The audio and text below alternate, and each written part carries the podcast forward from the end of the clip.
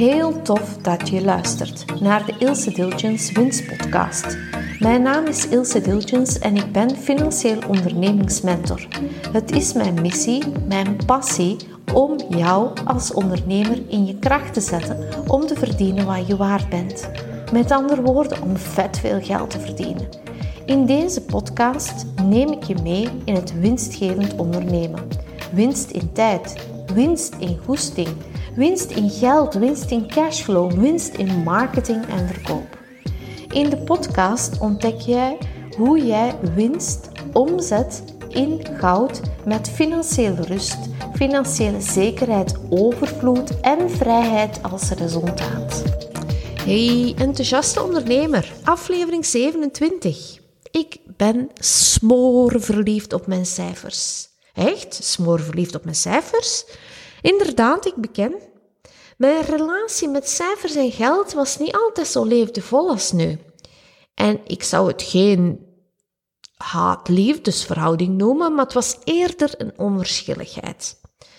En zodra, als ik, me, als ik zelf voelde als ondernemer van kijk, mijn cijfers waren niet zoals het moest zijn, dan werd ik dat stout kind, uh, dat koppig bleef volhouden van ja, we gaan er niet naar kijken.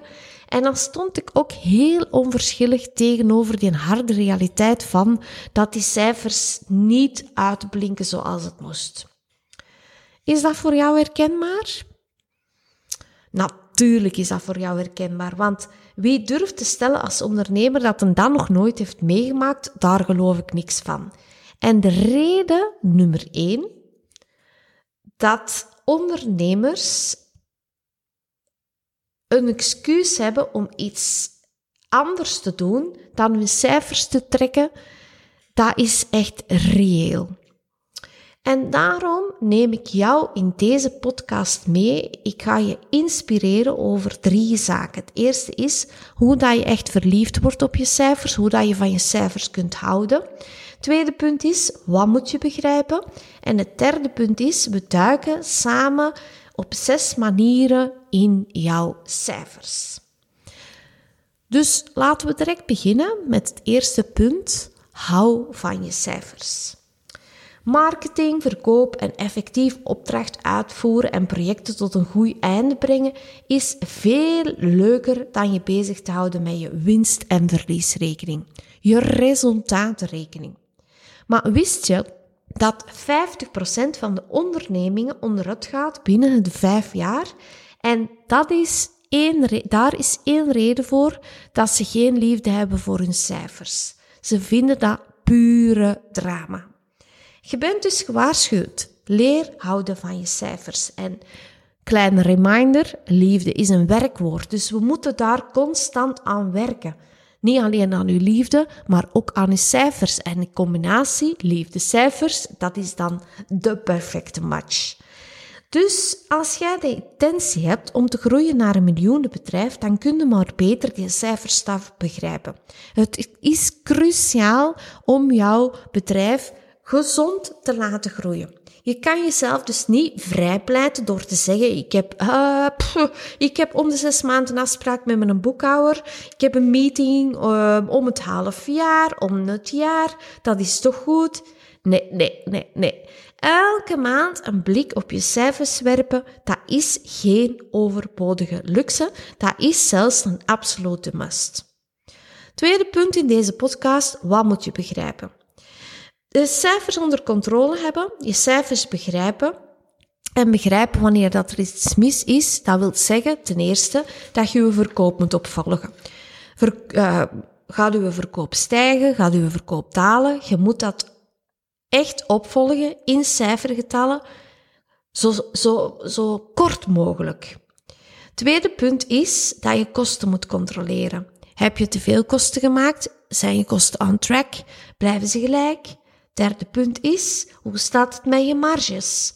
Of is er door een bepaald project um, je marges onderuit gehaald omdat je daar veel te veel uren hebt gepresteerd?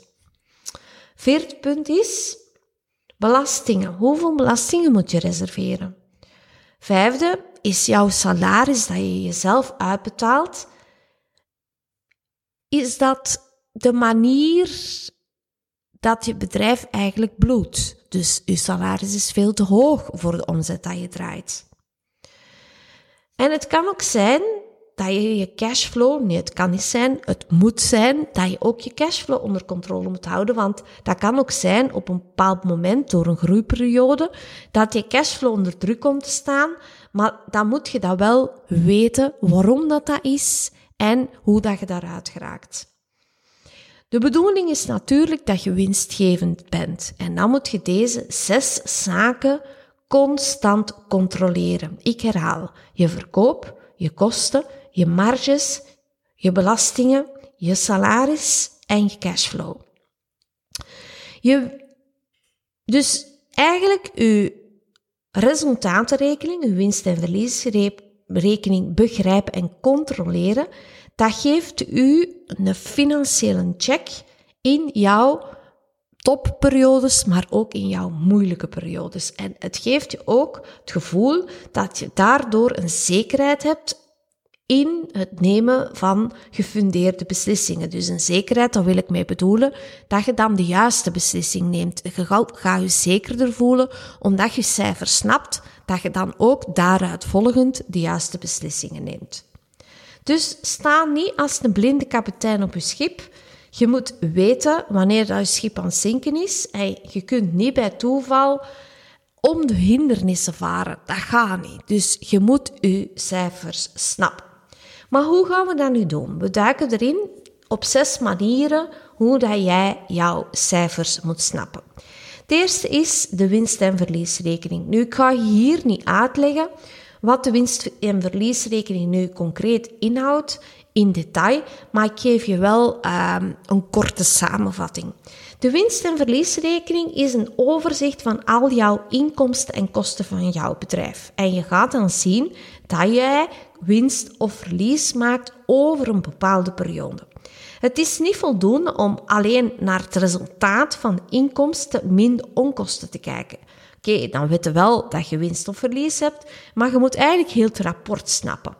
Dus als je dat rapport gaat snappen, dan kun je ook aan de juiste knoppen draaien. Je gaat zeer alert uh, zijn wat er gebeurt in je zaak en je gaat geld uitgeven om te groeien en niet andersom. Dus er zijn vijf onderdelen in de winst- en verliesrekening. Die vijf onderdelen zijn je omzet of je inkomsten.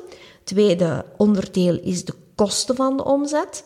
Derde onderdeel is de bruto winst die jij maakt. Het vierde is de operationele of de indirecte kosten of de vaste kosten genaamd. En het vijfde onderdeel is uw bedrijfswinst.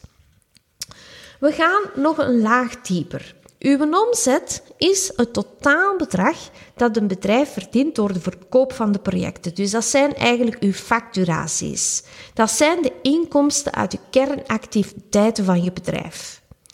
De kosten van de omzet of de variabele kosten, dat zijn de kosten die direct gerelateerd zijn met de projecten die je uitvoert. Dus hoe meer projecten dat je uitvoert in de bouwsector, hoe meer variabele kosten dat je gaat creëren. Het zijn jouw aankoopmaterialen, de onderaannemers waar dat jij mee samenwerkt. Dus hoe meer dat je verkoopt, hoe meer materialen dat je nodig hebt, hoe meer onderaannemers dat je moet inzetten eventueel om die project te realiseren.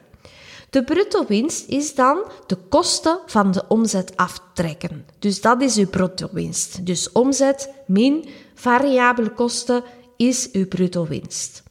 Dan komen de vaste kosten om de hoek loeren. En die vaste kosten, dat zijn eigenlijk uw indirecte kosten, dat zijn uw operationele kosten. Dat zijn uw uitgaven die je nodig hebt om um, alles ja, te realiseren, zal ik maar noemen. Dat zijn de salarissen van uw medewerkers, dat is de huur van uw pand dat je moet betalen, dat zijn de nutsvoorzieningen, dat zijn de marketingkosten, dat zijn um, de drukkosten voor reclame te maken, um, dat zijn uw boekhouder die je moet betalen, en zo verder.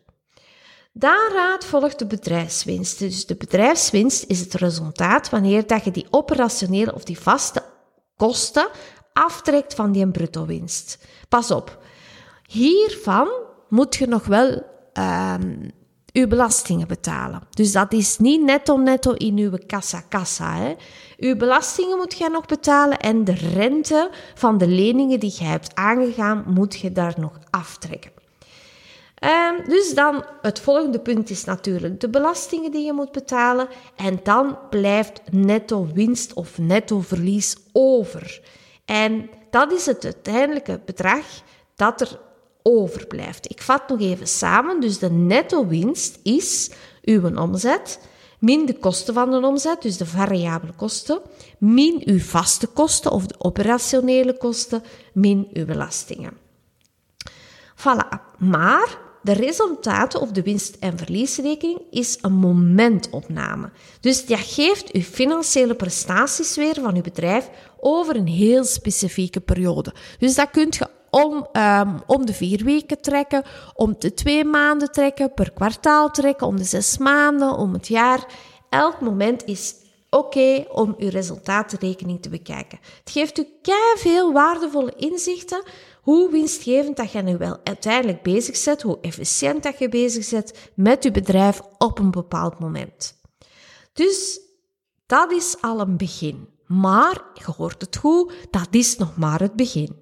Het is niet voldoende om je cijfers te snappen, je moet ze ook interpreteren. En dan gaat je doelen stellen. En dan gebeurt de magic. En dat gaan we nu doen. Dus, we gaan doelen stellen. En dat is het tweede punt, hoe dat we in onze cijfers duiken. Een eerste doel dat je moet stellen is jouw omzetdoel. En het omzetdoel stel je best per kwartaal. En zorg dat je met dat omzetdoel natuurlijk je kosten, dat die gedekt zijn, maar durf natuurlijk jezelf te stretchen. Dat is de bedoeling. Waarom zeg ik dat? Dat een omzetdoel per kwartaal handiger is, of waarom benoem ik per kwartaal? Omdat een omzet per maand, als je dat zou stellen, dat is heel korte termijn. En een maand is zo voorbij en stel dat je het dan niet gehaald hebt, dan zijt je misschien teleurgesteld.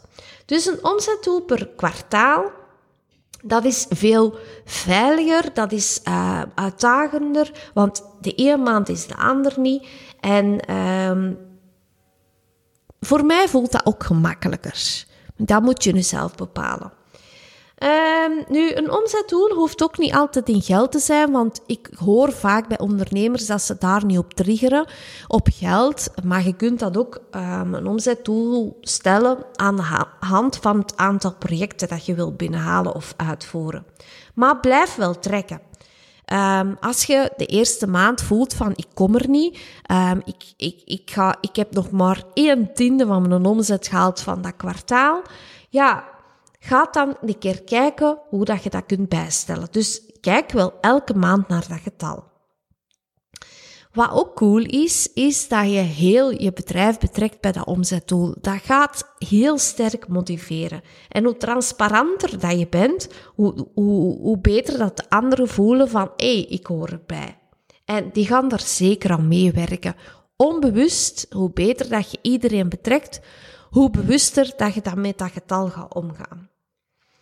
Voilà, dat is het tweede punt qua cijfers. Het derde punt is uw bruto winst. Nu, je zult u afvragen, hey Ilse, hoe doe ik dat? Dus je gaat uw totale omzet uit een project nemen en daar gaat u uw variabele per kost aftrekken. Ik ga even een cijfervoorbeeld um, jou um, tonen. Stel dat uw totaal omzet van de totale omzet van uw project 100.000 euro is en uw variabele kosten zijn 50.000 euro. Dus dan gaat je eigenlijk die 100.000 min 50.000 doen en dat getal deelt je door uw omzetgetal. Dus 100.000 min 50.000 delen door 100.000 maal 100 is 50 dus dat is uw bruto winst op dit project. En dan kunt je beginnen afvragen, hoe kan ik dat verbeteren? Zijn je verkoopsprijzen correct? Heb je wel voldoende marge op dat project om die vaste kosten te dekken? Zijn de aankoopprijzen van je leveranciers up-to-date? kan je korting contant afdwingen bij je uh, leveranciers? Hoe kan je door een kleine marge aan te passen een betere bruto winst creëren? Dus dat is hoe dat jij met je derde getal gaat omgaan. Je bruto winst altijd opnieuw analyseren. Een vierde getal is bedrijfswinst. Hoe gezond is je bedrijf? En dat zie je aan je bedrijfswinst. En dat is de winst vooraleer je je belastingen gaat betalen. Of vooraleer, plat gezegd, je belastingen langskomen. Want we betalen dat niet graag. Hoe gaat je dat berekenen? De formule daarvoor is, bedrijfswinst is gelijk aan je bruto marge min uw vaste kosten en dat deelt je door je totale inkomsten maal 100. En dan krijg je een percentage. Bij een resultaat van 5% zit je bedrijf in een zwakke positie. Bij een bedrijfswinst van 10% is er nog beterschap mogelijk. Maar wanneer dat je een bedrijfswinst van 15% neerschrijft, dan hebben we te maken met een zeer gezond bedrijf. Dus check dan een keer uit voor jouw bedrijf. En dan gaan we naar het vijfde getal, de cashflow. Nu, los van de, eh, ehm, resultatenrekening is het heel belangrijk dat jij ook je cashflow in kaart brengt. Want je kan heel snel groeien en ook al ben je winstgevend, het kan zijn dat je jezelf voorbij loopt doordat je je cashflow niet onder controle krijgt. Een tip daarbij is, stel dat je een bijkomende investering wilt doen, maar je merkt dat de cijfers dan nog niet aankunnen, wat ga je dan doen? Bekijk dan je doelen en kijk een keer hoe dat je een oplossing kunt vinden om je cash aan te sterken. En dat kan onder andere zijn door meer omzet te creëren, meer marge te creëren, dus hogere verkoopprijzen of betere aankoopprijzen, en een betere controle houden over je vaste kosten. Word echt een budgetfreak. En dat is de enige mogelijkheid om je bruto winst en uiteindelijk je bedrijfswinst te verbeteren. Het is eigenlijk hetzelfde als privésparen voor je rondreis in Mexico. Je bedrijf, bedrijf is niet anders. Denk dus ook na, als je een nieuwe bestelwagen uh, wilt bestellen, moet dat met al die toeters en bellen. Of die laatste iPhone, hoort dat wel in je budget. Dus hou altijd je budget in de gaten en weet exact wat eruit gaat en weet exact elke maand opnieuw wat er binnenkomt. Dat is een coole, hè? Zesde punt is, ken je vaste kosten. Nu, zijn er vaste kosten die niet noodzakelijk zijn om je bedrijf om op een kwalitatieve manier te runnen. Stel jezelf dat in vraag. Waar betaal jij een expert voor terwijl jouw eigen medewerker er sterker in is? Heb je korting gevraagd? Kan die aankoop niet tegen een beter tarief, omdat je grotere aantallen kunt reserveren? Zijn je medewerkers efficiënt? Top efficiënt. Waar kan het beter? Waar laat jij kansen liggen? Heb je echt wel zicht op de winstgevendheid van je bedrijf? Voilà, dat waren de zes punten over de cijfers. Maar ik heb nog een extra topic. Denk daar heel goed over na. Spaar in jouw goede maanden. En wat bedoel ik daarmee? In de bouwsector heb je altijd een winter en een zomer. Twee verschillende periodes. En sommige periodes maak je winst en lijkt het erop dat nooit gaat stoppen. Maar geloof mij, het zal stoppen. Er is altijd een recessie die om de hoek loert. En er komt altijd een nieuwe speler op de markt die net om de hoek woont. Het is belangrijk om een buffer te hebben. Maak je bedrijf future-proof. En dan kan je bijvoorbeeld bij een tegenslag extra inzetten op de marketing om je verkoop terug te boosten. En hoef je goede medewerkers niet te ontslagen. Dus mijn boodschap, extra troef over cijfers, is spaar tijdens de goede maanden. Voilà, conclusie van het verhaal van deze podcast is love your numbers. En dat meen ik. Daarom raad ik je ook aan om mijn boek aan te schaffen. Werk slimmer, verdien meer. Want in hoofdstuk 3 en 5 neem ik je mee in het cijferavontuur.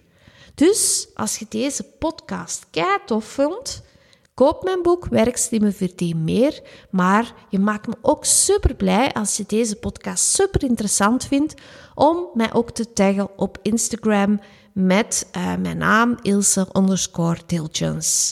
Veel plezier met dit cijferavontuur. Tot de volgende keer. Doei!